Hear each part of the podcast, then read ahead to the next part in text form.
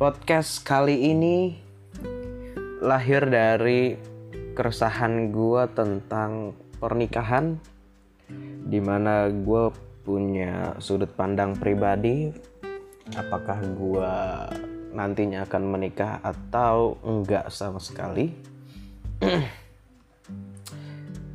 Gak usah berlama-lama dan selamat datang di podcast radio show di mana di podcast ini biasanya gue um, ngebahas topik-topik yang lagi gue resahin. Entah itu pengalaman pribadi entah itu isu-isu yang lagi trending di kalangan masyarakat. Atau memang ide-ide dari beberapa orang yang bisa gue bahas di podcast kali ini dan di episode kali ini um, gue berang uh, gini. Berangkat dari pengalaman temen gue ada dua temen gue yang pertama cowok yang keduanya cewek. Jadi temen gue yang cowok ini namanya Veto. Dia udah pacaran dari zaman kuliah. Kuliah um, dia sih bilang udah lima tahun pacaran karena memang dia sekarang udah di semester akhir. Sekitar semester 13 sekarang tuh. Ya kalau misalnya lima tahun berarti kan 10 semester. Ya kira-kira dia pacaran di semester 3 atau semester 1 atau semester 2 pokoknya di uh, jangka waktu itulah.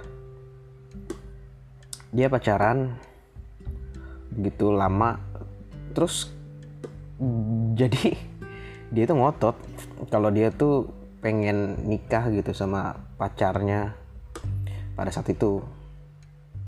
Bahkan gue punya pandangan kalau gue nggak mau menikah. Bahkan menurut gue gak menikah ya nggak apa-apa. Uh, karena gue mikir kalau gue menikah ada banyak hal yang harus gue pertimbangin. Di situ dia menantang um, argumen gue dia bilang katanya manusia dilahirkan untuk regenerasi dan ya gue bilang ke dia ya udah silakan nikmatilah. Dan ternyata dia diputusin ketika diputusin dia malah bilang kayaknya iya deh nggak menikah nggak apa-apa. Di brengsek nih orang. Terus yang kedua Sundari. Jadi dia tuh kenalan sama cowok di uh, aplikasi Tinder. Kenalan terus dia berpacaran lah dengan cowok ini. Eh cowok ini ada masalah gitu ya kan? Sampai akhirnya mereka udahlah uh, kayaknya hubungannya selesai sampai di waktu itu aja. Dan jadi yang gue lucu tuh si Sundari ini bilang ke gue kalau misalnya waktu ini waktu dia masih um, belum pacaran ya sama orang yang dia kenal dari Tinder itu. Dia bilang ke gue kalau misalnya ya gue nggak menikah ya nggak apa-apa. Dia bilangnya kayak gitu dan gue mikir oh gila. Gue nemuin orang yang satu frekuensi sama otak gue nggak menikah ya nggak apa-apa. Dan gue Iya gimana sih kalau ketemu orang yang satu frekuensi ya kan uh, excited lah. Apa yang dibahas pastinya kayak wah gokil keren banget nih dia nih. Apa isi kepalanya ternyata sama gitu sama kayak isi kepala gua. Eh ternyata selidik punya selidik. Jadi ketika dia pacaran sama pacarnya yang kenalan di Tinder itu dia cerita panjang lebar bahkan dia sempat ngasih tahu ke gue awal dia kenalan. Dan gue ngerasa di jijik banget ini kalau Sundari denger juga gue bodo amat sih. Uh, tapi ya bodo amat ya karena gue nggak mengekspos hal-hal yang sensitif ya. Ini hal-hal yang umumnya aja. Tapi ya lucu aja. Dia bilang ke gue uh, gue nggak menikah ya nggak apa-apa ya kan. Tapi giliran kenalan sama cowok dia sebutin itu nggak nggak apa cowoknya kan nggak ngabarin nih terus dia ngirim voice note gitu dan gue denger ya kan voice note-nya. Kamu di mana? Sambil nangis. Jadi dia sendiri ini uh, ada masalah sama orang tersebut. Mereka putus hubungan gitulah. Jadi ketika cerita itu ya dia ngasih tahu bukti-bukti uh, kalau ada kejanggalan dari perilaku si cowok ini dan ketika gue perhatiin dih brengsek Sundari. Gue pikir dia satu isi sama apa isi kepalanya satu apa sih gue maksudnya gue, gue pikir dia itu satu frekuensi sama gue ya kan pola pikirnya. Maksud gue kalau misalnya nggak menikah ya ya udah nggak apa-apa. Dan kalaupun emang uh, ditinggal sama pasangan ya kan. Ya udah orang prinsip lu nggak menikah nggak apa-apa. Kenapa harus memperjuangkan suatu hal yang selayaknya pergi gitu? Gue tuh pas denger voice note si Sundari jadi lucu sendiri. Ih.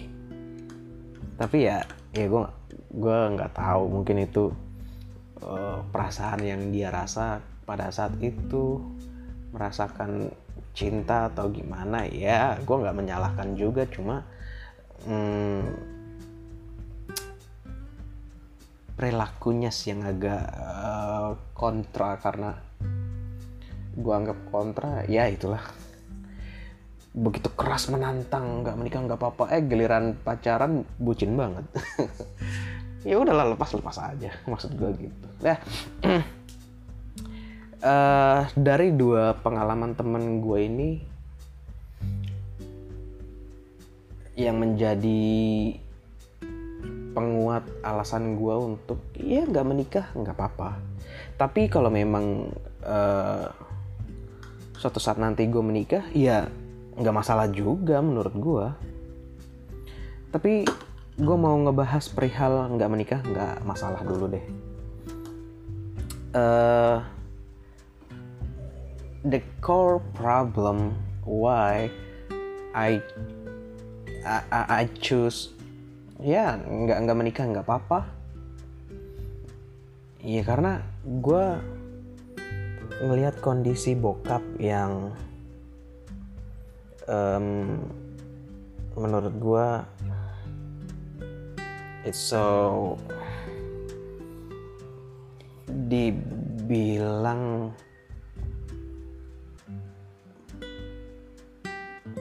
menyedihkan nggak terlalu sedih-sedih banget. Tapi dibilang um, happy not truly happy. Jadi bokap tuh menikah terus punya anak tiga.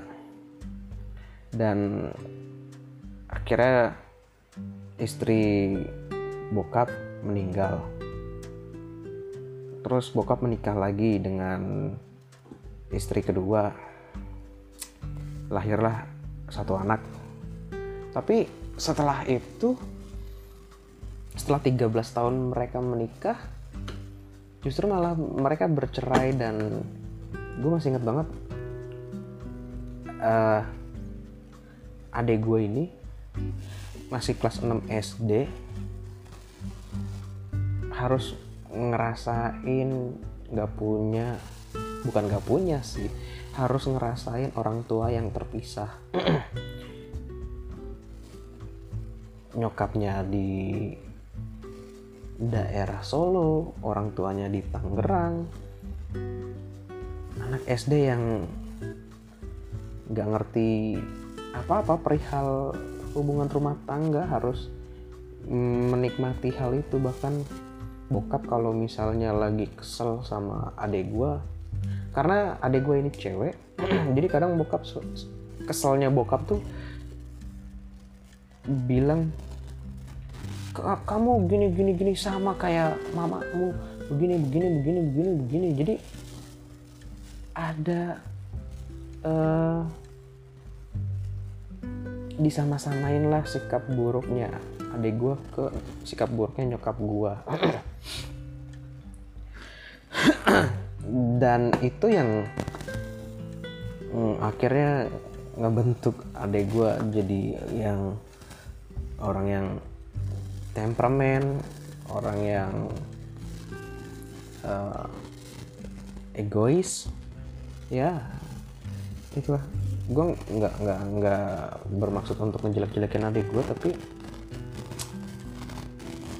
dari perceraian orang tua gue ini gue tuh ngeliat bahwa iya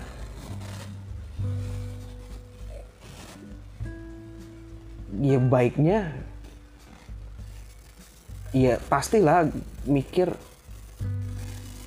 eh, kalau misalnya menikah dengan istri kedua punya anak dari istri kedua setelah itu 13 tahun kemudian bercerai ya mendingan nggak usah menikah aja udah.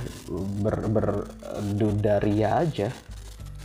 Sampai saat ini ya kan justru malah kondisi akan menjadi lebih baik. Gue mikir kayak gitu tapi kalau kondisinya udah terjadi kayak begini ya mau nggak mau harus nyari jalan lain supaya bisa memperbaiki kondisi yang udah seperti ini. Jadi hal ini nggak cuma eh, dialamin sama adik gue yang baru kelas 6 SD merasakan orang tua yang tercerai. Bahkan gue gue tuh ngerasain dua kali kehilangan sosok ibu jadi eh gue anak dari istri pertama bokap jadi ketika nyokap meninggal ya gue nggak tahu karena gue masih kecil banget.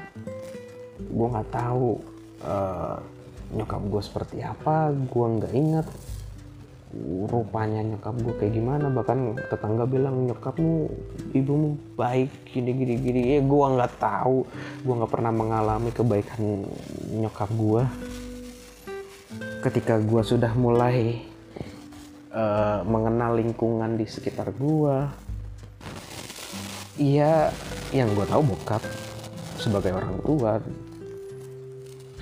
Jadi gue tuh sering banget iri dulu kalau main ke rumah temen terus nyokapnya temen gue itu eh, baik banget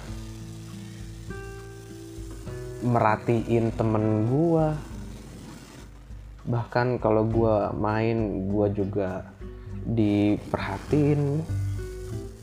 Kayak anjrit gue pengen ngerasain kasih sayang ibu juga gitu. Karena ketika eh, bokap masih duda bokap fokus kerja cari uang gue jarang berkomunikasi dengan bokap dari kecil. Gue mulai berkomunikasi yang benar-benar pembahasannya itu udah mulai berat pembahasan yang mulai bertukar pikiran itu ketika SMP jadi dari kecil sampai eh, SMP tuh ya bokap menjalankan tugasnya mencari uang ya gue bersekolah cuma sekedar itu doang. Jadi setelah gue pikir-pikir kalau gue menikah ya sekalipun ada pepatah bilang buah jatuh nggak jauh dari pohonnya tapi gue tuh mikir ini situasi terburuk yang kemungkinan akan terjadi kalau misalnya gue menikah dan punya anak. Ini ini semoga aja nggak terjadi tapi eh, apa salahnya? Apa apa ya kenapa nggak mencoba untuk mikirkan hal yang baik dan hal yang buruk? Maksudnya dam uh, mikirin aja dulu ngebayangin dulu ya kan? Dampak baiknya menikah seperti apa dampak buruknya menikah seperti apa. Jadi gue mikir dampak buruknya menikah ya gue kemungkinan bakal mewariskan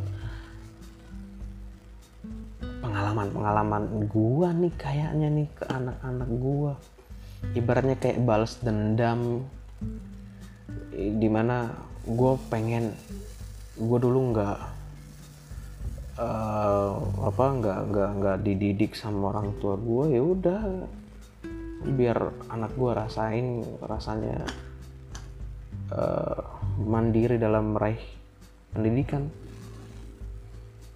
Gue nggak mau hal itu terjadi ke anak gue itu kan the the best thing. Ya maksudnya ya itu itu itu yang yang hal terburuknya. Tapi gue masih berpikir untuk solving the problem. Terus uh, gak cuma pengalaman bokap jadi ada teman gue yang orang tuanya ini udah menikah bahkan lebih lama dari uh, hubungan bokap ke istri keduanya yang 13 tahun. Justru ini istri pertama udah menikah 20 tahunan. Dan yang ngebuat gua kaget ketika bokapnya teman gue ini curhat ke gue kalau misalnya istrinya berselingkuh. Bahkan ya ya paham lah kalau misalnya ini nih yang sensitifnya ya. Ini gue berbagi pengalaman aja. Jadi bokapnya temen gue berhubungan lah sama uh, istrinya nyokapnya temen gue ini. Berhubungan badan terus lahirlah uh, anak. Jadi teman gue ini selisihnya tiga tahun dari gue sekarang usia temen gue udah 20 tahun lebih lah. Jadi bokapnya ini cerai ketika temen gue sudah bekerja udah lulus sekolah. Bahkan temen gue punya adik adiknya pun ketika bokapnya cerai itu kalau nggak salah SMA kelas 2 atau kelas 1 gitu. Lu lu bisa bayangin orang tua cuma punya dua anak kedua anak ini sudah beranjak dewasa yang satu sudah menyelesaikan uh, wajib sekolahnya. Yang satunya lagi sudah berada di jenjang akhir wajib sekolah. Ya tinggal tunggu dua tahun lagi. Sebenarnya tinggal menikmati uh, hari tua di mana nggak mikirin lagi biaya sekolah anak. Anak udah bisa nyari uang. Tapi cerai. Karena ya istrinya selingkuh. Jadi selidik punya selidik ternyata anak yang lahir ini bukan dari hubungan antara bokapnya teman gue sama nyokapnya teman gue tapi nyokapnya teman gue dengan lelaki lain. Dan itu benar-benar gue kaget sekaget kagetnya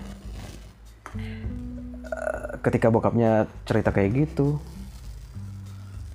bokapnya teman gue cerita kayak gitu terus gue mulai mikir lagi gila.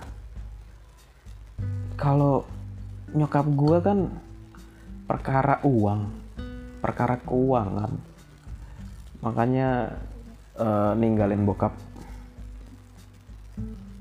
ini nyokapnya teman gue gue nggak tahu perkara apa tapi uh, yang yang menjadi kejutannya ya ternyata mereka punya anak dari selingkuhannya gitu. Eh maksudnya nyokapnya temen gue punya anak dari selingkuhannya bukan hasil hubungan sama suaminya yang resmi. Dan itu benar-benar ah seriously? Gue kaget juga. Jadi bokapnya teman gue ter tertipu tertipu. Ketika berhubungan badan ternyata udah ada yang nyolong start duluan. Hihihi Iya sekarang uh, temen gue udah bekerja, adanya sekarang udah bekerja. Uh, yang menjadi ironi, temen gue punya adik dua, mana yang satunya masih kecil sekali menuju SD, sekolah SD. Dari situ gue mulai bercermin. Uh, kenapa bisa seperti ini dan juga satu lagi pengalaman dari temennya temen gue yang sebenarnya gue tahu alasannya mereka menikah tuh nggak banget jadi temennya temen gue ini cowok. Si cowok ini punya pacar terus dinikahilah pacarnya ini. Jadi selama mereka pacaran temen gue nih sering banget ceritain temennya dia uh, hubungan yang nggak logis banget. Di mana si ceweknya ini cemburuan si cowoknya justru bermain hati ke temen gue ini. Temen gue cewek. Si temennya temen gue ini cowok bermain hati ke temen gue jadi uh, si pasangannya cemburuan ya pokoknya uh, begitulah masalah teman gue karena teman gue terjerat dalam hubungan mereka jadi teman gue sering cerita temennya dia. Dan mereka akhirnya menikah bahkan sebelum menikah pun ada kejanggalan di mana pasangannya ini pengen menikah ya biar bisa ngerasain kebebasan bisa pulang malam karena selama ini kalau mau pulang malam selalu dilarang orang tua. Bahkan kalau mau nginep pun uh, selalu dikekang. Jadi si pasangannya temen gue ini berpikir kalau menikah adalah solusi untuk meraih kebebasan. Tapi yang lucu ketika mereka menikah ternyata dalam waktu dekat mereka uh, dibuahi anak dan hamil. Uh, yang ngebuat gue terkejut ketika temennya temen gue ini si cowok ini capek ngejalanin hubungan rumah tangga dengan pasangannya. Padahal pasangannya sedang hamil. Ya ada drama-drama nggak jelas lah. Si istrinya update-update status. Uh, apa maaf ya nah hari ini bunda nggak apa bunda puasa dulu.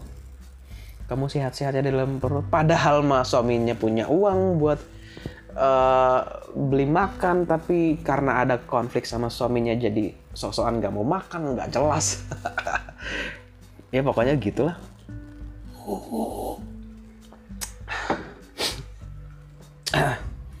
dan si suaminya berpikir untuk bercerai padahal kondisi istrinya lagi hamil. Uh, dari situ gue mulai berkaca kenapa harus ada perceraian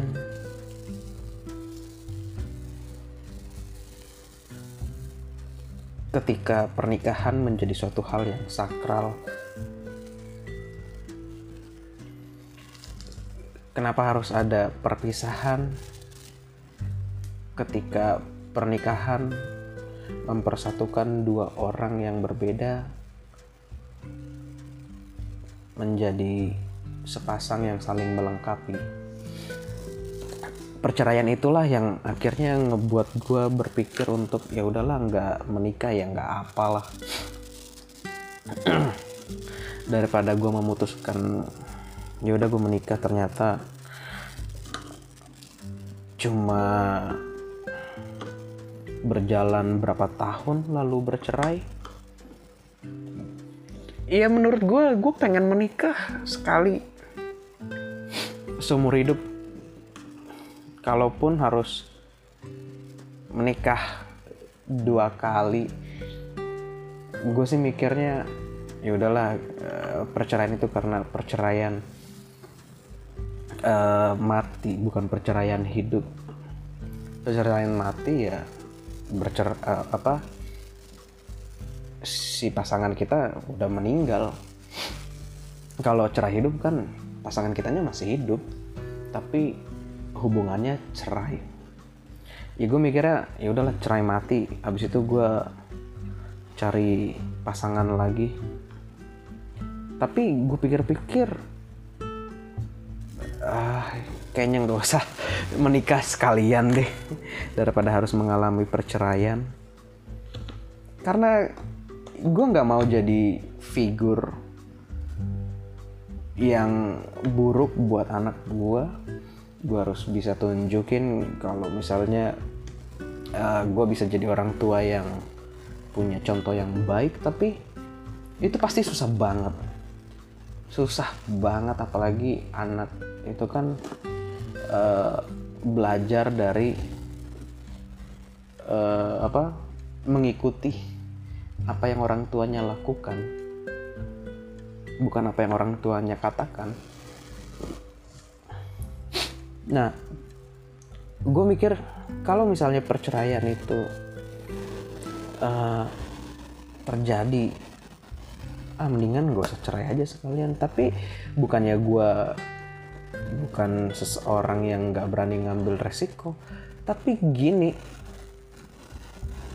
cukup uh, gua yang merasakan orang tua gua bercerai gua nggak mau anak gua merasakan hal itu atau udahlah mendingan gua um, apa menjalani hidup gue sendiri aja. Jadi nggak perlu uh, ada orang yang harus lahir di dunia ini dan merasakan beban yang yang yang yang nggak nggak bisa yang nggak semestinya harus dia tanggung. Karena perceraian itu kan perkara orang tua antara suami dengan istri udah. Perihal anak ya udah urus bareng-bareng. Tapi nggak segampang itu kompleks banget. Jadi ya gue pikir-pikir ya udahlah. Daripada memperkarakan uh, orang yang seharusnya nggak perlu merasakan masalah ini yang yang yang nggak tahu apa-apa. Karena anak yang lahir tuh nggak tahu apa-apa perihal perceraian tapi dia harus menanggung beban bersama. Karena orang tua cerai ya udah beban ditanggung bareng-bareng. Entah anak mau diasuh sama si ibunya atau sama bapaknya. Ya gue mikir gitu daripada kayak gue gue nggak tahu permasalahan uh, bokap gue apa sama nyokap tiri gue sampai mereka harus bercerai. Tapi dampaknya gue harus uh, bertanggung jawab juga atas moral adik gue gue harus ngedidik adik gue supaya nggak temperamen nggak egois. Tapi gue mikirnya bodoh amat karena lu yang cerai kok. Gue juga ikut terlibat gue mikirnya gitu. Lu yang cerai. Gue sebagai anak nggak tahu masalah apa yang menyebabkan kalian cerai. Tapi kenapa harus dampaknya ke anak? Nah ya udah deh gue temperamen nih. Karena didikan bokap gue seperti itu ya udah gue sih bodo amat. Gue mikirnya begitu. Cuma gue pikir lagi apakah gue akan menjadi abang yang jahat? Dan dari situ gue mikir ya udahlah nggak usah menikah aja lah. Ya daripada gue menikah ini anak nggak tahu apa-apa perihal percaya kalau suatu saat nanti gue misalnya menikah punya anak dan bercerai gue mikirnya ini daripada anak nggak tahu apa-apa perihal perceraian yang punya masalah kan gue sama istri gue nanti. Kalau gue selek sama istri gue itu kan gue sama istri gue aja. Dan ini anak ngedidiknya susah. Gue gua bercermin dari Deddy Kobuzer yang begitu uh, bagus bercerai tapi uh, bisa ngebuat Aska mengerti bahwa perceraian itu bukan suatu hal yang buruk. Tapi kan nggak banyak orang yang bercerai bisa seperti Deddy Kobuser bahkan malah lebih parah sampai anaknya tuh uh, di, di di pergaulan suka banyak alasan. Kalau orang tua gue apa kalau keluarga gue broken home jadi iya gue mikir daripada nanti gue melahirkan generasi yang seperti itu generasi-generasi yang update status ya kan uh, nih nih apa pisau di lengan ditempel terus captionnya wajar bila saat ini pada kalian. Yang hidup bahagia berkat suasana indah dalam rumah. Ya gue nggak mau ngelahirin apa gue nggak mau menjadi penyalur generasi yang seperti itu. Gue pikir ya udahlah kalau gue nggak mau punya uh, apa melahirkan generasi yang seperti itu ya udah mendingan gue nggak usah menikah. Apa apa dan masalah cukup sampai di gue selesai. Dan itu yang jadi alasan gue untuk ya udahlah nggak nggak nggak menikah. Dan trauma perceraian itu yang ngebuat gue berpikir ya udah nggak usah menikah. Karena gue trauma sama perceraian dan gue nggak mau mengalami perceraian. Gue uh, gue bukan yang nggak mau mengalami perceraian tapi yang gue hindari adalah perceraian hidup. Kalau perceraian mati it's okay for me. Perceraian hidup ini yang gue pikir-pikir fondasinya pasti kurang banget dalam membina hubungan rumah tangga. Dan di lain sisi pun ini the real reason gue mencoba untuk ngedeketin beberapa wanita. Gue kenalan di dunia nyata dan juga di dunia maya pastinya. Di dunia nyata ya kenalan dari temen uh, ngenalin gue ke temennya. Terus oke okay, kita deketan dan ternyata ya udah kita ternyata cuma sekedar temen aja dan uh, kenalan di dunia maya di Facebook, di Instagram, di Tinder, Tantan, aplikasi-aplikasi lainnya. Kenalan-kenalan sampai akhirnya gue capek kenalan sama orang. Hai, boleh kenalan nggak? Abis itu rumah di mana? Kerja apa? Sekolah? Tinggal di mana? Uh, abis itu mulai kenal. Abis itu ya repeat itself uh, apa diulang-ulang gitu terus siklusnya yang akhirnya gue aduh shit gue capek sama hal seperti ini gue udah deh gue kayaknya nggak nggak nggak nggak perlu ngelakuin hal ini lagi deh. Mungkin kan gue lakuin tapi ya, agak jarang. Iya gue nggak tahu. Kenapa siklusnya? Ya gue kenalan PDKT habis itu endingnya ya udah sekedar kenal aja. Dan habis itu ya udah kontak-kontaknya gue hapus-hapusin karena gue ngerasa ah ini spending my time doang dan gue nggak tahu mungkin ini menjadi dampak jadi dulu gue pas masih SMK itu sotoy ah gue nggak mau apa pacaran dulu sebelum gue berusia 23 tahun. Sotoy punya idealisme-idealisme seperti ini. Tapi ya mau gimana lagi? Gue mencoba mempertahankan idealisme itu dari usia 17 tahun sampai usia 23 tahun untuk nggak uh, berpacaran. Jadi gue cuma pengen kenal deket selesai.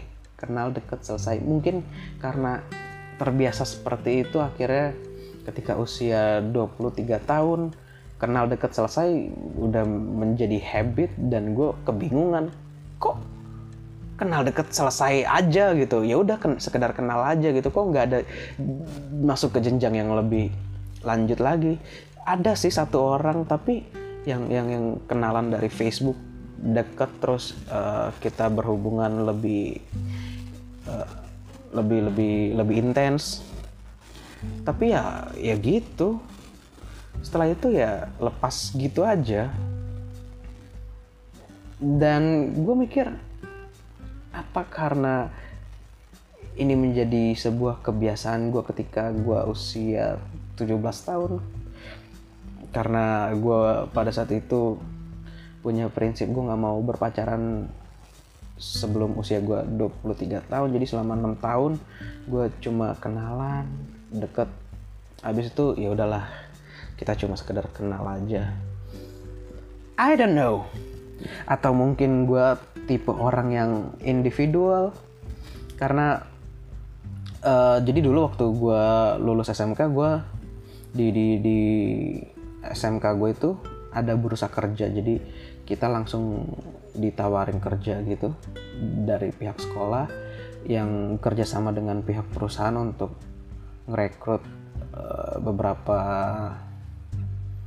siswa yang jadi lulusan sekolah gue ini. Dan ketika ada bursa kerja itu gue diinterview sama pihak perusahaan dan ya interview gue jelasin terus si interviewer ini bilang kamu nih orangnya individualis jadi kelebihanmu kamu bisa ngerjain segala sesuatu dengan cepat karena kamu kerjanya sendiri. Tapi ketika di perusahaan kita nggak cuma kerja sendiri, kita kerja tim dan itu yang akan menyebabkan kamu merasa kesulitan di kerja tim. Uh, si interviewer bilang gitu, jadi uh, ketika jadi analoginya seperti ini, ini ini interviewer bilang kalau misalnya kamu mau berlari cepat, kamu bisa uh, berlari sendirian. Tapi kalau misalnya kamu eh no no no, kalau kamu mau meraih hasil yang cepat, kamu bisa ngerjainnya sendirian. Tapi kalau misalnya kamu ingin meraih hasil yang besar, kamu harus uh, mengerjakannya bersama orang lain yang menjadi satu timmu. Di situ jadi uh, eh, gue nggak tahu mungkin hal itu ada benarnya di dalam hidup gue uh, typically I'm individualistic jadi ketika gue merenungkan materi podcast ini tiba-tiba terlintas saat apa ini kali ya yang menyebabkan gue kayak kenalan sama cewek? Habis itu PDKT habis itu ya udah kita cuma sekedar kenal aja nggak ada uh, hubungan yang lebih intens ke ranah pacaran habis itu mulai berpikir uh, kita mau mengambil ke, apa komitmen untuk ke jenjang pernikahan mungkin itu. Karena gue individual jadi ngerasa kayak ya udahlah gue nggak butuh lu dan yang gue alamin ya gue juga sekarang kebingungan juga sih. Kayak ini sebenarnya ada banyak hal yang pengen gue ceritain ke salah satu orang aja udah. Lu tampung nih semua uh, keluh kesah gue lu tampung nih semua uh, rasa pamer pamernya gue jadi gue ngerasain dalam kondisi psikologis seperti itu yang mana kayak sebenarnya gue maunya apa sih pengen sih punya pasangan tapi karena gue berpikir oh iya ya gue kan orangnya individual. Jadi ya udahlah tapi gue jadi dilema sendiri. Kayak ah shit. Ibaratnya kayak gue pengen ceritain achievement gue ketika gue kerja uh, ketika gue menghasilkan uang gue pengen ceritain gitu pengen gue pamerin gue gini ya kan? Dan ketika gue lagi ngalamin masalah gue pengen berkeluh kesah. Tapi pertanyaannya sama siapa? Karena gue orangnya individualis. Gue nggak tahu dan akhirnya ya gue bercerita di podcast ini sebagai pelampiasan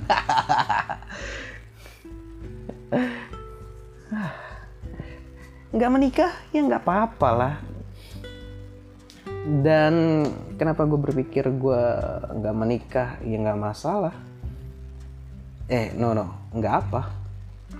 Karena setelah gue pelajarin pelajarin gue renungin apa sih yang salah dari gue sampai banyak wanita menjauh dari gue ketika gue kenalan oke okay, masih welcome ketika gue PDKT oke okay, masih welcome. Ketika gue mulai uh, memberikan sinyal untuk eh gue pengen serius sama lu lu mau nggak tiba-tiba mereka oh so sorry.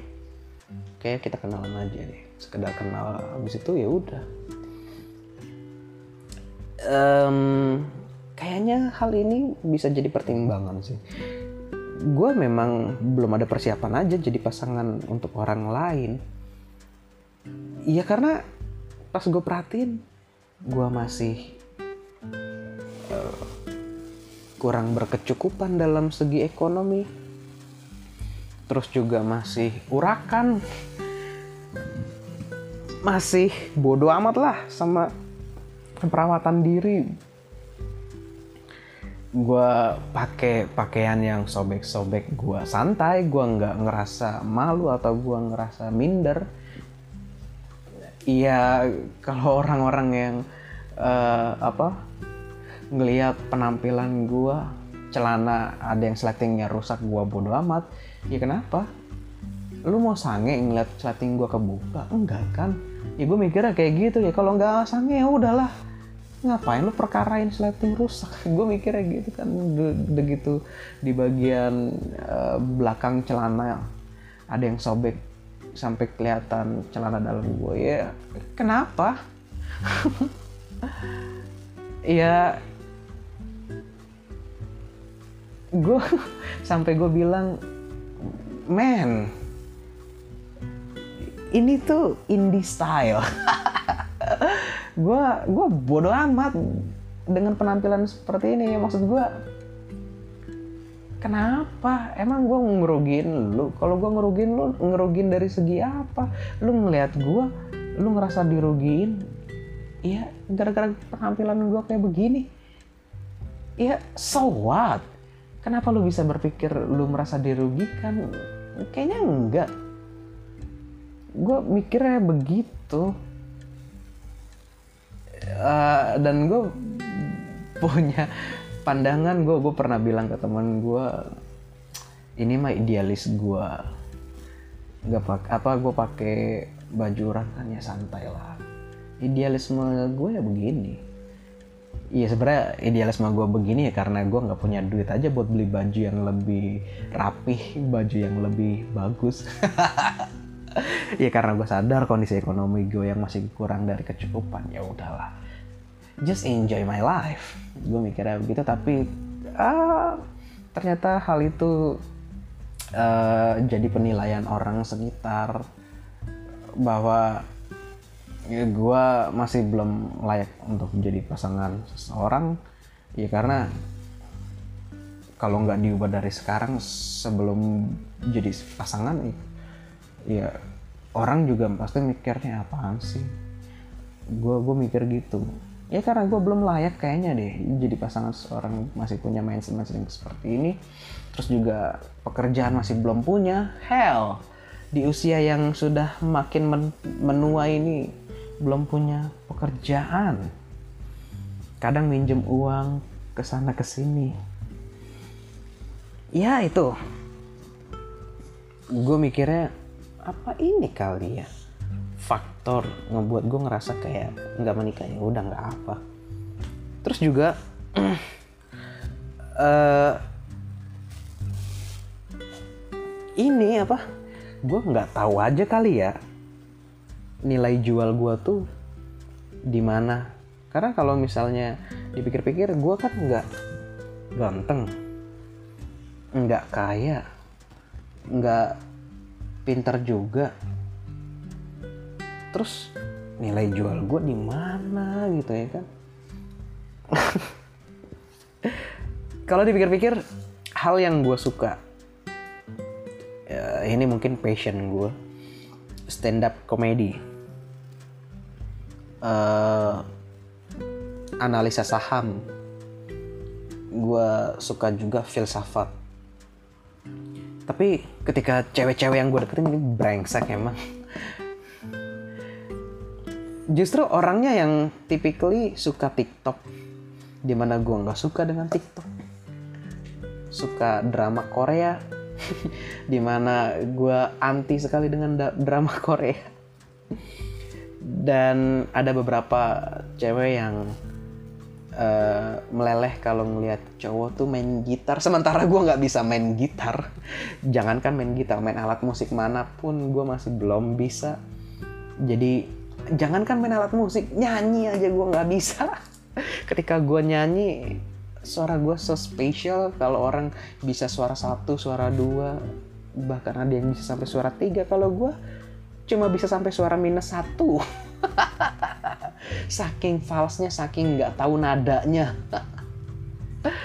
Jadi gue ngerasa kayak brengsek yang disukain sama cewek tuh nggak ada yang gue sukain TikTok gue nggak suka drama Korea gue nggak suka drama-drama Korea yang sosok romantis. Ya gue malah justru lebih suka filsafat yang berpikir keras analisis saham. Terus juga uh, cewek meleleh luluh hatinya kalau melihat cowok yang bisa main musik atau cowok yang bisa nyanyi sementara gue enggak. Jadi gue mikir kayaknya emang gue nggak ada nilai jual deh. Atau mungkin gue belum nemu aja orang yang satu selera dengan gue yang akhirnya bisa kita tuh bisa bisa nyatu dalam persamaan itu loh sekalipun kita punya perbedaan tapi kita punya persamaan yang ngebuat kita bisa ngeblend. But I don't know. Ini sih masih gue pikirin ini enggak ya ini enggak ya? Mungkin atau gue sekarang lagi merasakan quarter life crisis ngerasa kayak hidup gue nggak guna banget. Ya udahlah nggak menikah nggak apa-apa toh hidup gue karena nggak berguna begini ngapain juga gue menikah ya kan? Orang nggak berguna kok malah uh, nambah-nambahin masalah. Tapi setelah gue pikir-pikir lagi hmm,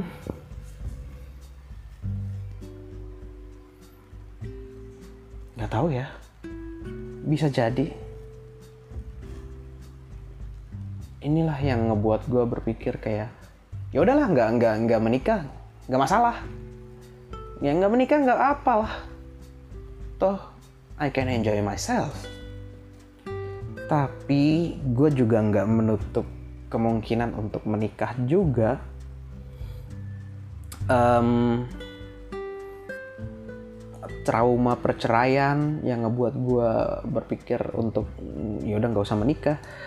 Gue berpikir ke arah yang berbeda trauma perceraian kenapa nggak gue jadikan uh, landasan gue untuk nunjukin ke anak gue bahwa yang gue alamin ketika gue menjadi seorang anak dari orang tua yang bercerai pahitnya seperti ini dan gue nggak mau anak gue merasakan hal yang gue rasain. Even kalau gue bercerai gue udah punya figurnya jadi Kobusya uh, gue harus belajar jadi seorang bapak yang yang yang yang yang, yang ngertiin anaknya yang bisa ngebuat anaknya mengerti kondisi orang tuanya. Gue mikir kayak gitu.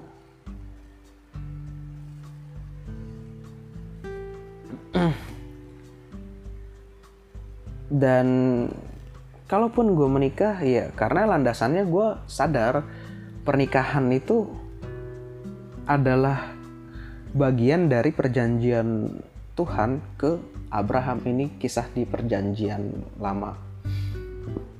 Di mana Tuhan tuh berjanji ke Abraham kalau misalnya keturunan Abraham itu akan seperti bintang di langit, seperti pasir di pantai. Kalau ada orang yang bisa menghitung bintang di langit dan pasir di pantai, sebanyak itulah keturunanmu. Itu janji Tuhan ke Abraham dan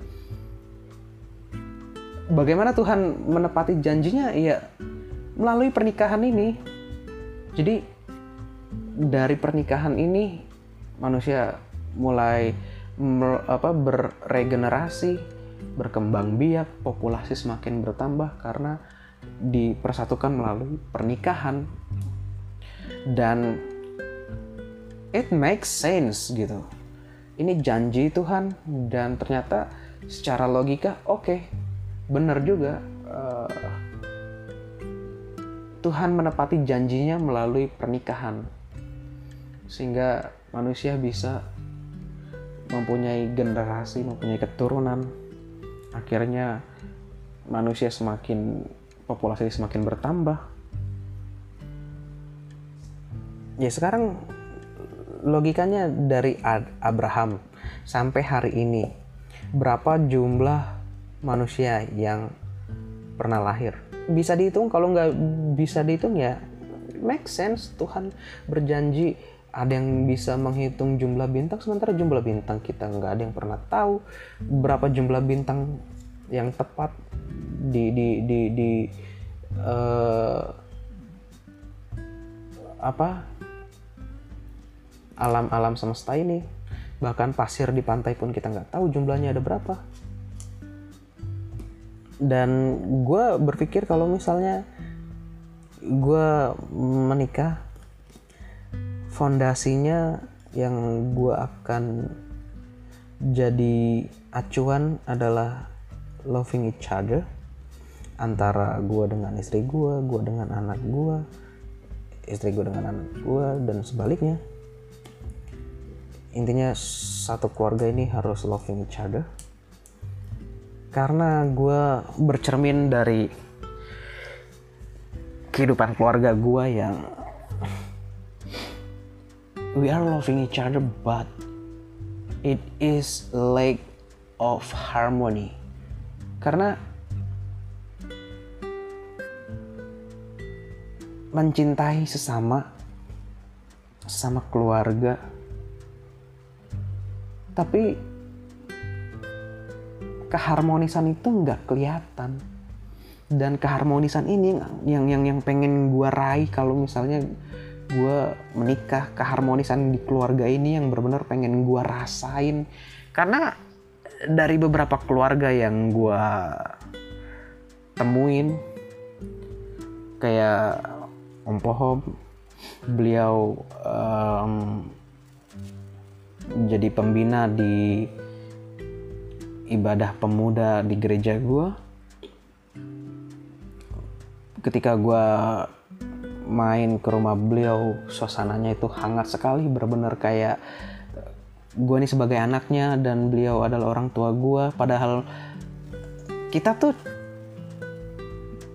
punya hubungan karena kita di gereja yang sama aja udah itu doang. Tapi ketika uh, di luar gereja dan gue mampir ke rumah beliau ke kehangatan itu tuh benar-benar berasa kayak keluarga. Dan gue ngerasa kayak ah men. Gue kalau misalnya boleh diangkat jadi anaknya beliau gue mau dah. Gue mikirnya begitu.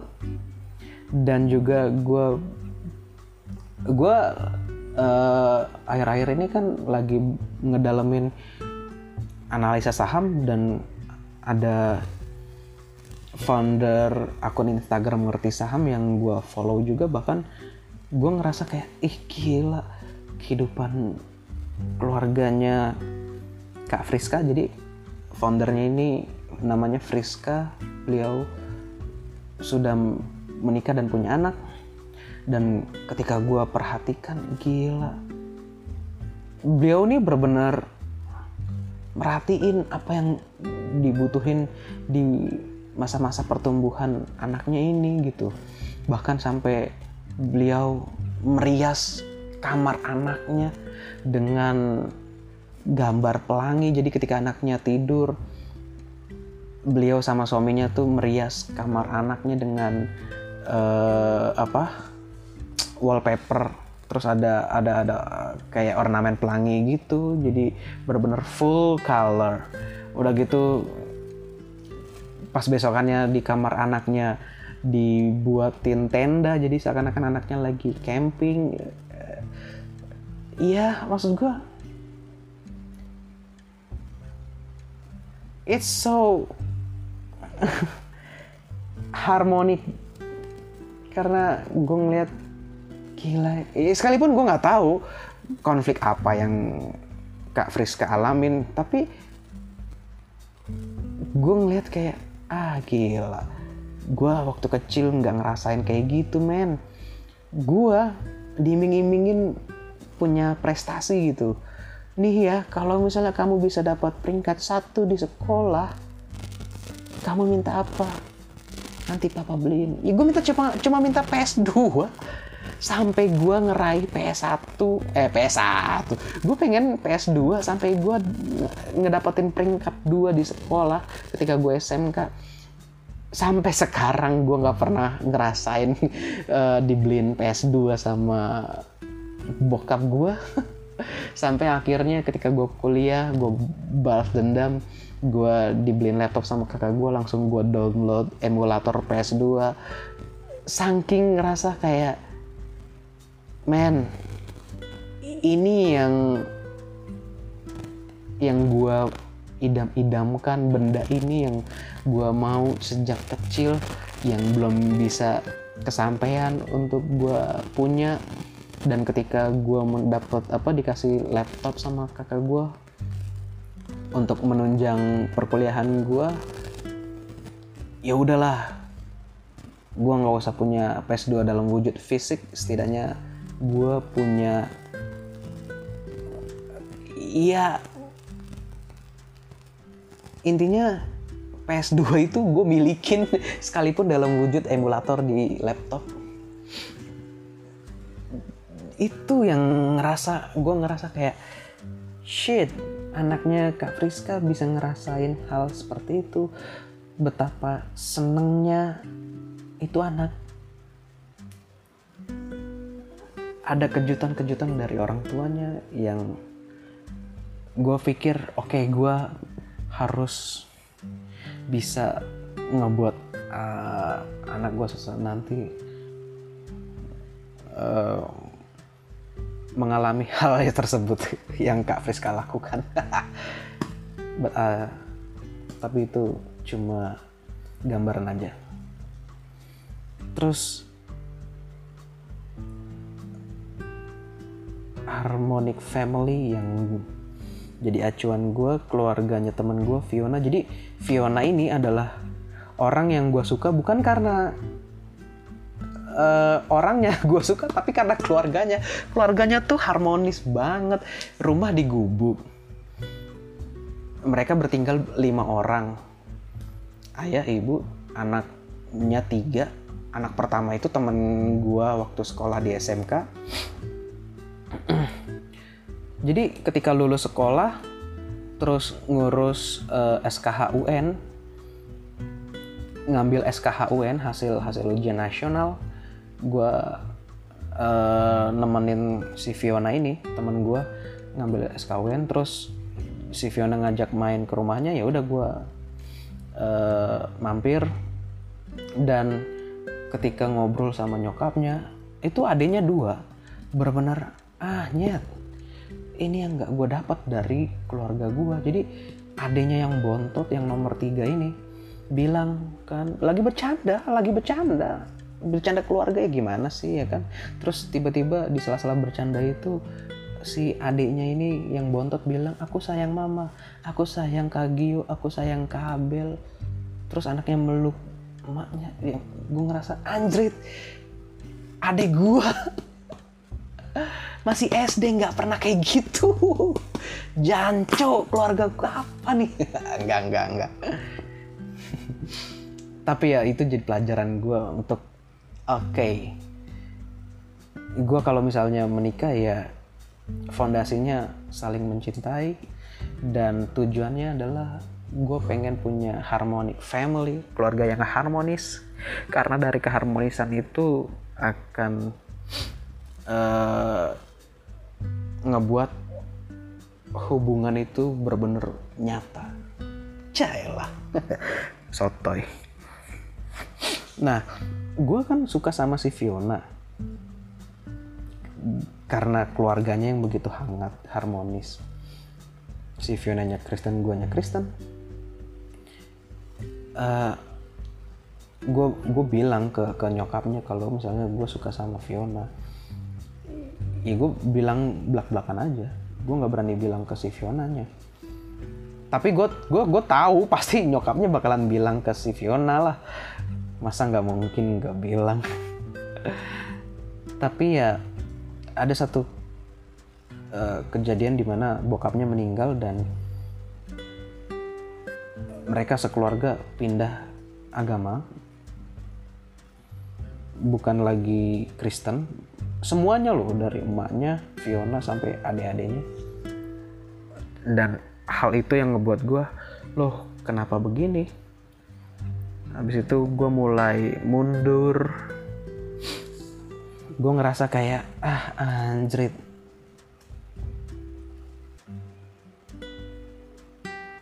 Gue pengen deketin orang pengen punya hubungan yang serius. Tapi kenapa gue merasakan hal ini? Dan bodohnya gue setelah mereka sekeluarga pindah agama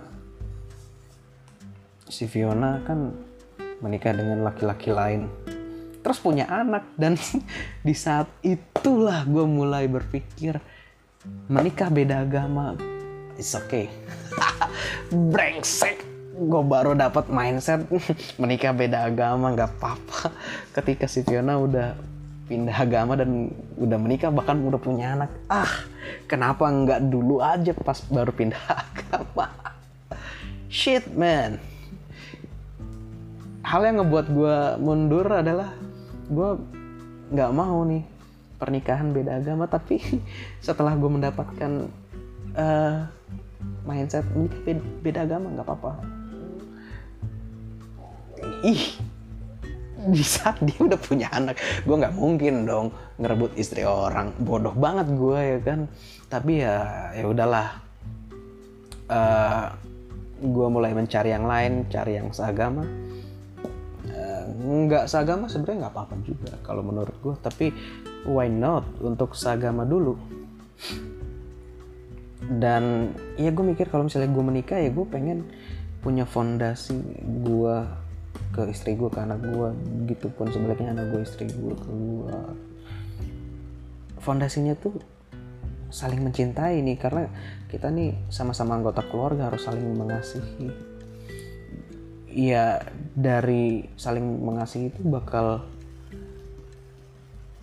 ter, terlihat keharmonisan di keluarga tersebut. Dan oh, gue pengen transparansi. Ada transparansi di keluarga pengen pengen apa yang gue keluhin gue omongin ke keluarga tapi tetap sesuai dengan porsi harus proporsional. Uh, biar gue juga ngerasain anggota keluarga gue lainnya transparansi ke gue biar gue tahu nih perkembangan setiap anggota keluarga gue istri gue perkembangannya seperti apa anak gue perkembangannya seperti apa begitupun gue akan transparansi ke mereka biar mereka tahu perkembangan gue tuh seperti apa. Karena gue ngerasain dari zaman gue SD betapa cepatnya gue bisa perkalian. Di SD kelas 2 gue udah bangga bisa perkalian 1 sampai 3 bahkan di 4 SD gue udah bangga bisa perkalian 1 sampai 9 karena 10 tuh ya balik lagi ke satu kan e, mekanismenya. 1 kali 1 10 eh 1 kali 10 10 10 1, apa 2 kali 10 ya 20 gitu doang kan gampang. 1 kali 1 1 1 kali 2 2 jadi betapa gue ngerasa kayak jadi dulu tuh waktu gue kelas 4 SD pernah tuh dites tuh yo maju. Satu-satu. Perka jadi guru gue ngetes. Yo silakan. Perkalian tiga secara random gitu kayak nanti si muridnya oke okay, tiga kali satu tiga tiga kali dua enam tiga kali tiga sembilan tiga kali empat dua belas. Ya, ya kayak gitulah ya kan? Dan gue bangga gitu bisa uh, paham perkalian dari 1 sampai 9 di di kelas 4 SD di mana ada beberapa teman gue yang masih belum bisa. Ada yang udah bisa tapi belum lancar masih terbata-bata juga.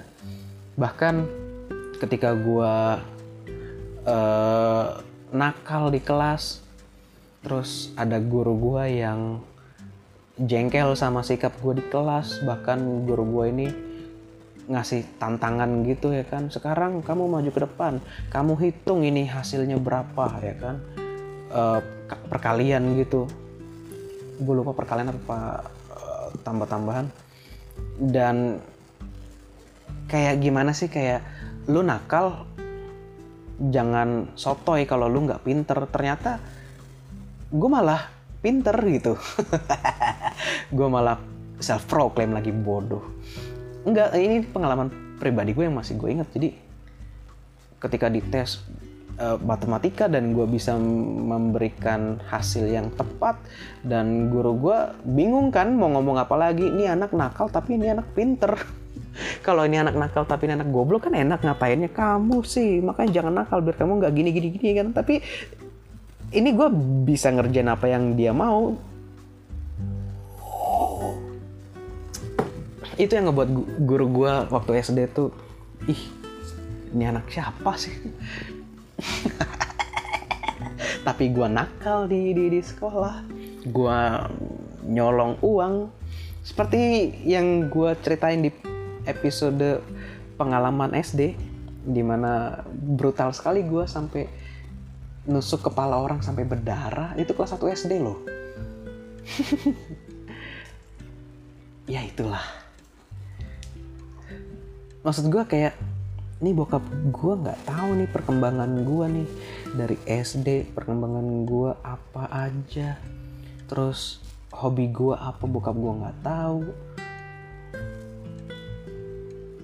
Bahkan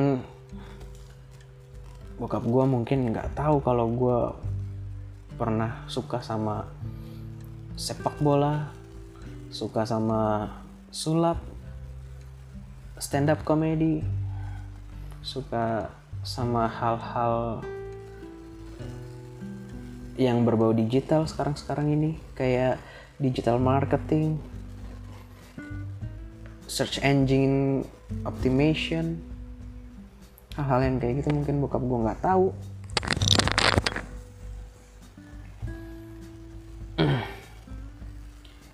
Dan di situ yang menjadi uh, acuan gue ketika gue menikah nanti gue pengen satu sama lain saling mencintai supaya terasa keharmonisan transparansi paham perkembangan tiap anggota keluarga terus juga suportif anggota keluarga punya kesukaan apa support? Kalau nggak bisa dukung secara dana dukung secara doa dukung melalui telinga mendengarkan cerita-cerita mereka maunya apa. Hal-hal sesederhana itu yang nggak banyak gue dapetin ketika gue menjadi anak di keluarga ini. Dan gue berpikir suatu saat nanti kalau gue jadi seorang orang tua hal ini yang harus gue tingkatin supaya anak gue nggak merasakan hal ini. Dan juga pastinya bertukar pikiran ke anggota keluarga lainnya. Karena um, bertukar pikiran ini yang jarang gue rasain. Cuma kadang-kadang aja bertukar pikiran. Kayak gue tuh berpikir mungkin ini pikiran gue terlalu jauh punya pasangan belum. Tapi mikirnya kalau misalnya gue nikah nanti nih gue pengen keluarga gue jadi partner diskusi gue nikah juga belum punya pasangan juga belum tapi udah mikirin yang jauh punya anak. Ya maksud gue gue pengen jadi keluarga gue tuh sebagai partner gue diskusi bertukar pikiran menyelesaikan masalah Eh, resiko-resiko yang kemungkinan terjadi itu seperti apa nantinya. Ibaratnya kayak cerai itu tuh benar-benar butuh diskusi yang dalam dan pengertian yang sangat besar sekali. Resiko-resiko seperti itu kayak resiko pernikahan ya cerai. Resiko punya anak ya harus punya perekonomian yang stabil supaya si anak bisa mendapatkan pendidikan sesuai dengan perkembangan usianya ya banyak hal eh, yang harus dipikirin menuju pernikahan. Tapi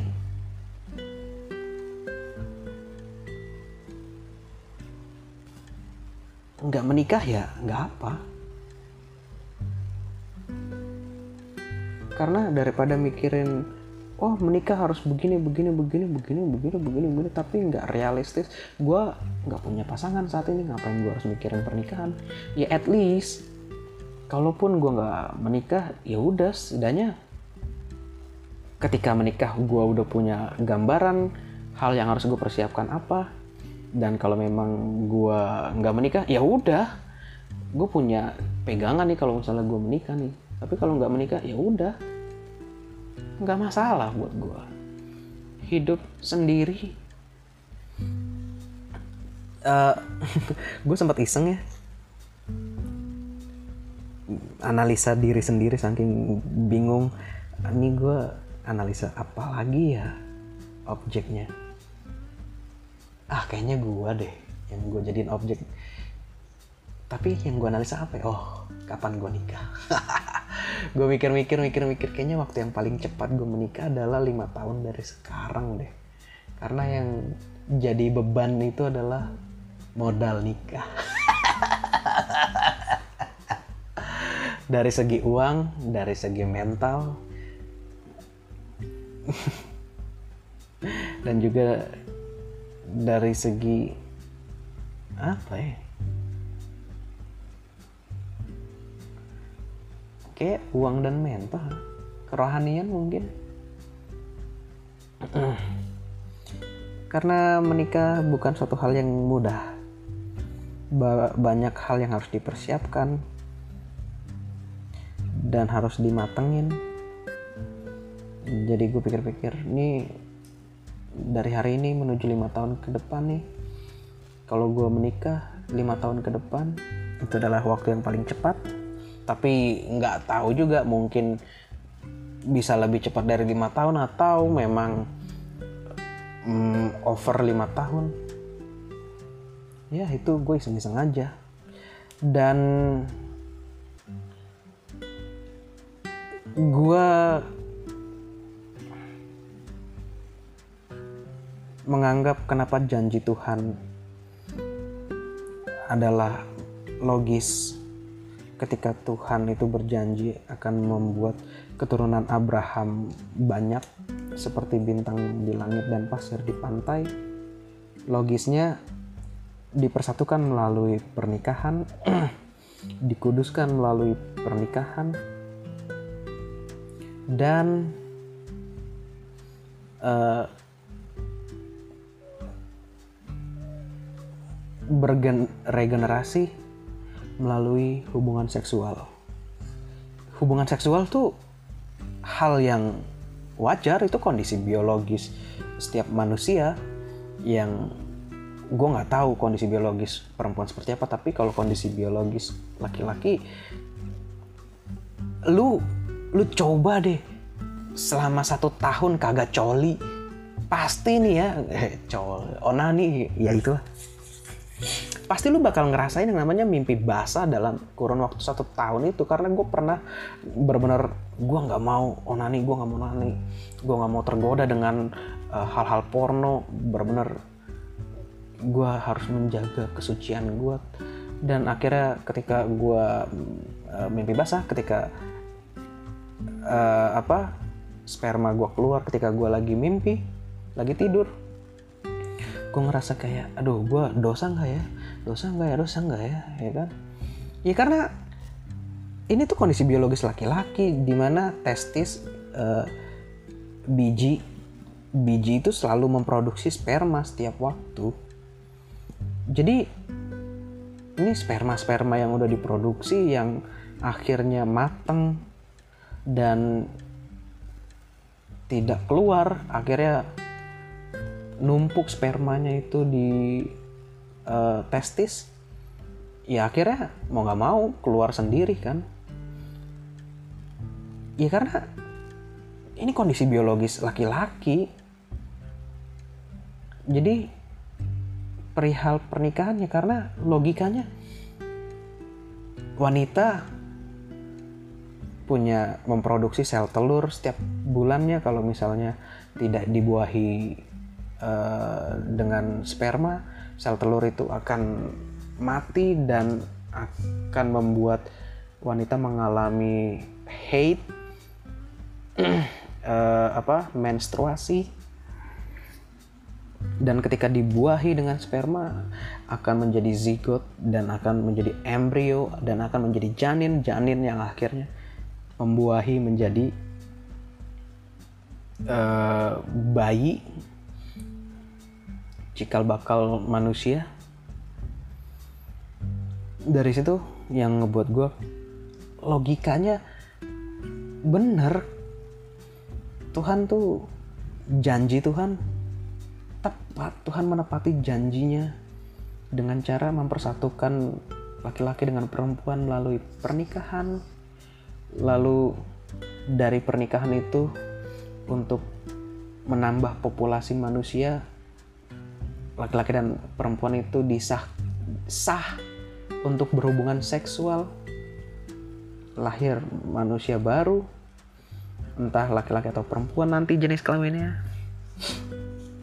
Karena kondisi biologis laki-laki seperti itu testis selalu memproduksi sperma jadi ya pilihannya cuma ada dua uh, untuk ngeluarin sperma antara spermanya keluar sendiri atau dikeluarin kalau spermanya keluar sendiri kan ya lu ketika lagi tidur tiba-tiba keluar sendiri basah lu pikir lu ngompol ternyata uh, cairan sperma yang ada di celana.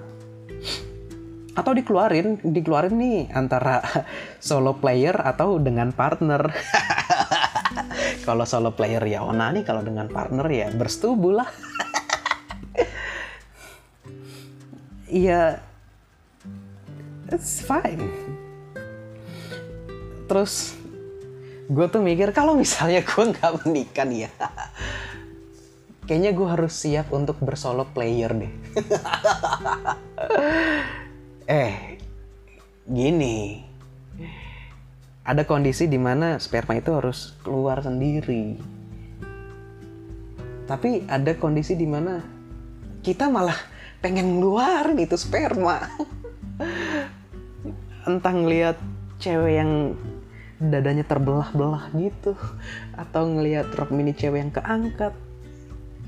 Iya gitu atau secara sengaja mengakses video porno melalui layar HP entah menggunakan Opera Mini atau menggunakan VPN ya gue tau lah orang gue mengalami kok. Apalagi uh, porno apa video pornonya yang bergenre mom and son. How mom teach the son to fuck up. Atau big tits. Jail boobs. Dan kategori lainnya seperti milf. Ah udahlah udah udah. Ya karena gitu sih nggak nggak nggak usah menafik perihal kondisi biologis diri kita sendiri. Dan gue nggak menganggap ini suatu kewajaran. Wajar lah manusia gini-gini. Tapi gue masih dilema. Karena kondisi biologis manusia entah laki-laki entah perempuan sama-sama kalau perempuan memproduksi sel telur setiap saat tapi sel telur yang selama satu bulan tidak dibuahi sperma akan mati dan menyebabkan menstruasi. Tapi kalau laki-laki enggak enggak menstruasi justru malah uh, itu sperma numpuk di testis di biji biji player uh, numpuk numpuk numpuk. Ya gimana sih? Lama-lama kan tumpah dan tumpahnya itu antara tumpah apa keluar. Ya kan? Keluarnya itu antara keluar sendiri atau dikeluarin. Ya ini juga sih yang jadi dilema gue perihal ini gue kalau misalnya nggak menikah apa gue bersolo player? Emang betah solo player doang. Emangnya nggak capek nonton abis itu coli? Nonton lagi coli lagi ya capek lah. Tapi pertanyaannya apa iya harus nyewa wanita untuk ngeluarin sperma ya kan? Ya karena kan untuk ngeluarinnya kalau misalnya dikeluarin antara solo player atau dengan partner apakah menyewa apa menggunakan jasa wanita ya kan untuk ngeluarin? Gue mikir kalau misalnya gue nggak menikah resikonya ini nih gak usah munafik. Gue tuh mikir gini orang-orang yang cowok nih yang belum menikah sampai usia 35 tahun tuh dari usia 25 tahun sampai 35 tahun ya, ya kan? Selama 10 tahun itu dia udah berapa kali coli ya? Gue mikirnya gitu realistis aja lah. Kalau misalnya nggak coli-coli ih gue salut bisa melakukan hal tersebut tapi kalau misalnya orang itu nggak bisa menahan diri karena ada beberapa teman gue yang ketika gue uh, bahas perihal video porno nyambung. Nyambung loh. Gue nggak tahu dia belajar dari mana. Gue juga nggak tahu gue belajar dari mana tapi gue ngerti. Tapi kita saling sefrekuensi ngebahas porno tuh. Bahkan yang udah menikah pun masih nonton video porno, yang yang yang masih lajang pun masih nonton video porno. Gue pun masih, tapi nggak sesering dulu. Sekarang agak kadang-kadang aja. Iya, uh, gue tahu itu suatu hal dosa dan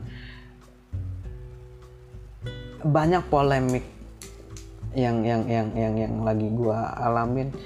Iya itu tadi. Kalau gue nggak menikah alasannya karena gue trauma perceraian karena gue nggak mau jadi bad figure for my children. Ya udahlah gue nggak mau ngasih beban nih ke anak. Daripada gue ngasih beban ke anak mendingan gue usah punya anak sekalian. Gue gak usah menikah sekalian ya kan? Biar beban itu gue yang tanggung sendiri aja udah gue mikirnya seperti itu. Atau eh, beberapa hal karena emang gue nggak punya nilai jual.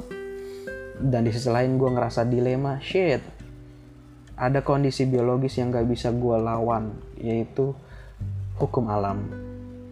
Hukum alam di mana tubuh gue ini di dalam testis selalu memproduksi sperma. Dan sperma itu apa daya tampung testis ini uh, ketika produksi terbatas gitu sampai akhirnya kalau nggak bisa nampung sperma lagi otomatis sperma luber akan keluar sendiri.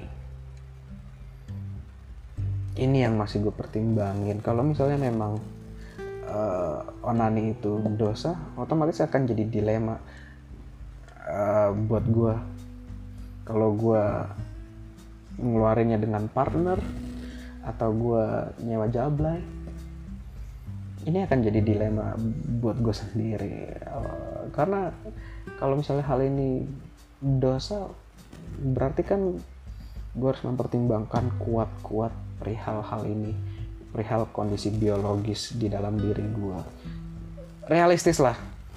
Nggak menikah nggak apa tapi ini yang jadi pertimbangan gue kalaupun gue menikah berarti kan kondisi biologis ini si si si fantasi seksual gue ini uh, teratasi karena iya. Tapi bukan ini yang gue cari. Yang gue cari tuh loving each other. Karena suatu saat nanti bu nafsu itu akan menurun menurun menurun sampai akhirnya ngobrol satu sama lain tuh menjadi suatu hal yang hangat gue gue pelajarin kondisi biologis orang di mana uh, nafsu laki-laki dari usia 15 sampai usia 30 kalau nggak salah itu tinggi. Tapi ketika udah mulai 30 31 sampai usia 40 kalau nggak salah turun nanti usia 40 baru tinggi lagi. Berbanding terbalik dengan wanita yang usia 15 sampai 30 tuh masih rendah. Tapi ketika usia 30 naik. Jadi uh, ini pembahasan ini ada di buku Waimin kan stop eh no no no. Eh Waimin don't listen and women can read maps karya dari Alan and Barbara Peace perihal kondisi biologi seperti ini yang ngebuat gue oh oke okay, good berpikir uh, pasangan gue nanti harus gimana ya jadi di di di di buku itu dijelasin kalau misalnya selisih usia tuh lebih baik karena mengikuti dengan perkembangan uh, nafsu. Jadi ibaratnya kayak ini cowok yang lagi naik nih harus dibarengin sama kondisi nafsu cewek yang juga lagi naik. Karena kalau lagi turun mereka turunnya barengan naik naik naiknya barengan. Biasanya kalau nikah yang sepantaran tuh kenapa Eh, bentrok-bentroknya di eh, hubungan seksualitasnya itu. Dan ya gitu. Uh, ini yang jadi pemberat yang ngebuat gue jadi dilema karena gue pernah kok pacaran uh, mesum ketika lagi nafsu nafsunya nih semangat banget untuk mesum bahkan. Lu kalau ngeliat anjing kalau lagi uh, pengen makan kayak gitu. Lu lu gambarin lah orang kalau lagi nafsuan tuh kayak kayak anjing. Emang kayak anjing sih. Tapi kalau misalnya udah nih udah udah selesai nafsunya nih ya kan? Udah berhubungan mesum. Pasti laki-laki tuh nyesel gitu. Anjrit kenapa gue tadi mesum ya? Berdosa banget sih gue nih. Dan hal ini nggak cuma gue alamin. Beberapa temen gue ketika gue uh, diskusi perihal pornografi ya mereka yang mesum tuh bilang kalau setelah ngelakuin hubungan mesum tuh kayak nyesel gitu. Berdosa banget sih kenapa gue mesum? Gue harus taubat gue harus taubat. Tapi giliran kelar taubat besokannya misalnya si ceweknya telanjang ya sikat bleh. Gue juga sama.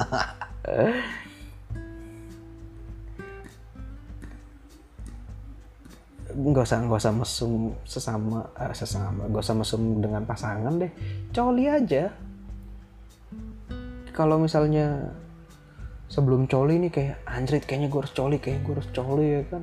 Ngeliat cewek yang ada belahannya kayak anjrit ini peju harus keluar nih ya kan. Tapi giliran udah kelar coli terus kayak ditolol banget sih gue kenapa tadi gue coli ya? Kenapa gue nggak lakuin aja? Uh, waktu coli gue tadi tuh gue pakai buat ngelakuin hal lain. Ini yang masih jadi pemberat kondisi biologis ini. Tapi iya gue sih mikirnya I'm still fine if I have to do onani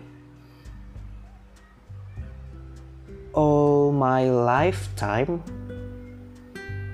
Karena gue pikir ya udah kalau nggak menikah nggak apa-apa kalau misalnya tiba-tiba nafsuan ya udahlah coli aja.